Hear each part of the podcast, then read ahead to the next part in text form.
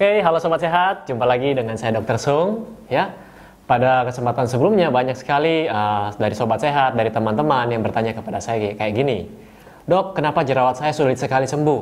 Saya sudah gunakan salep, sudah gunakan obat, saya sudah minum obat, tidak sembuh-sembuh. Dan beberapa juga yang bilang, saya sembuh uh, saat menggunakan salep. Tapi tidak lama kemudian, jerawat saya muncul lagi. Nah, pada video saya kali ini, saya akan membahas solusi bagaimana cara menyembuhkan jerawat yang sangat membandel.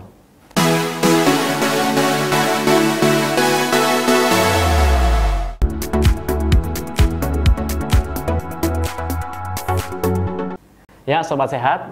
Jadi di sini ada empat tips dari Dokter Sung, ada empat cara dari Dokter Sung untuk Anda uh, bagaimana caranya Anda bisa mengatasi jerawat Anda yang sangat-sangat membandel. Mungkin jerawat itu pada wajah Anda atau mungkin bahkan pada punggung Anda juga.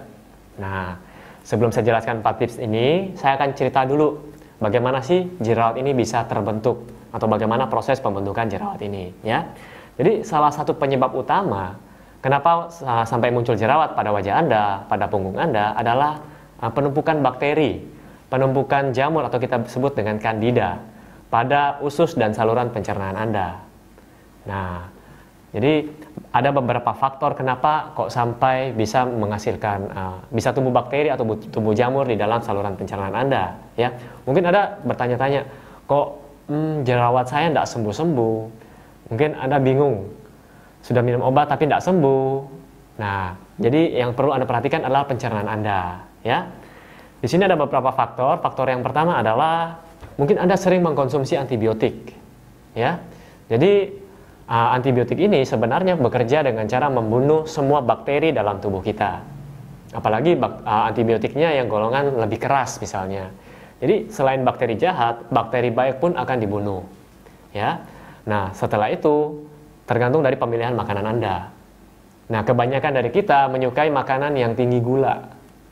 Dengan makanan yang tinggi gula akan mempercepat pertumbuhan dari uh, kandida tadi, mempercepat pertumbuhan dari jamur dan bakteri tadi.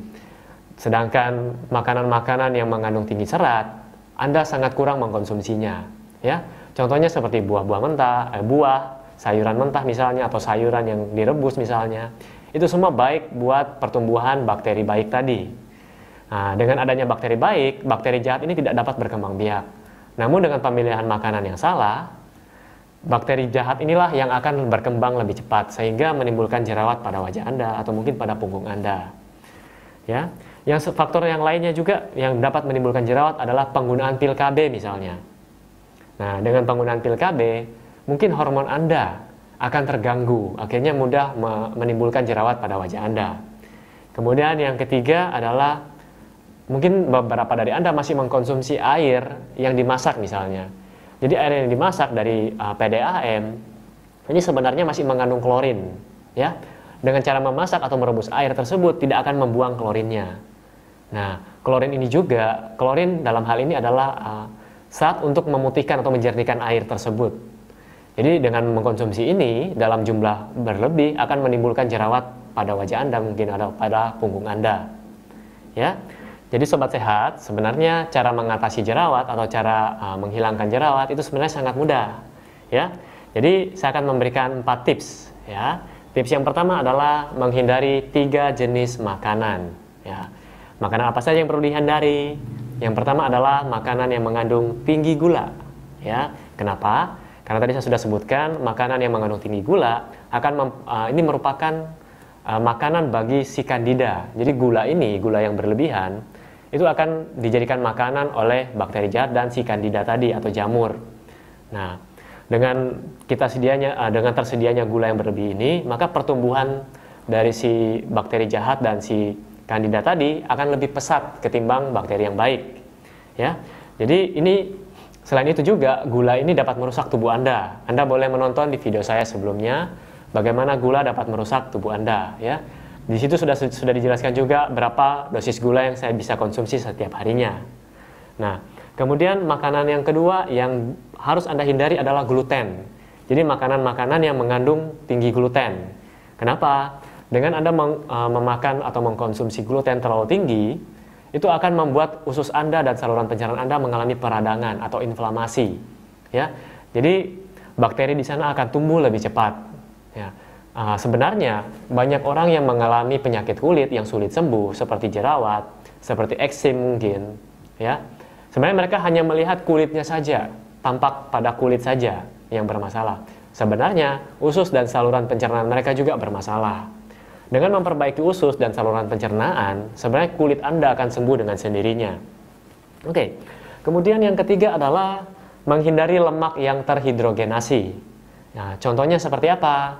Jadi lemak yang terhidrogenasi ini contohnya seperti minyak goreng yang dipakai berulang kali. Ya mungkin di sini kalau anda beli jajanan di luar, orang uh, penjualnya menggoreng tidak mungkin satu kali, ya. Pasti mereka menggoreng berulang kali karena mereka tidak mau rugi juga, ya.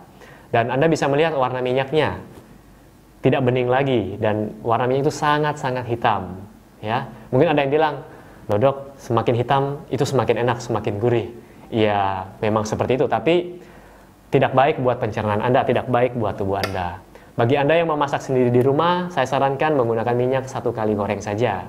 Ya, Oke, jadi itu adalah tips yang pertama, hindari tiga jenis makanan ini. Makanan yang pertama adalah makanan yang mengandung tinggi gula, makanan yang kedua adalah makanan yang mengandung tinggi gluten, dan yang ketiga adalah minyak yang terhidrogenasi. Oke, Selanjutnya adalah tips yang kedua. Nah, yang kedua ini adalah tiga jenis makanan yang harus ada dalam menu Anda, ya. Jadi makanan yang pertama adalah makanan yang tinggi serat. Nah, jadi serat di sini berfungsi untuk membunuh bakteri jahat dan, mendung, dan mendukung pertumbuhan bakteri baik tadi dalam usus dan pencernaan Anda, ya. Dan selain itu, serat juga berfungsi untuk uh, menyeimbangkan kadar gula dalam tubuh Anda. Nah, tapi ingat, Anda harus berhati-hati dalam memilih minuman yang berserat. Sekarang banyak sekali iklan-iklan, uh, iklan-iklan minuman kemasan yang mengatakan tinggi serat. Kenapa? Minum-minuman ini biasanya tinggi kadar gula juga. Jadi percuma jika Anda meminum minuman tersebut, ya. Anda harus membaca dalam kemasannya berapa kadar gulanya.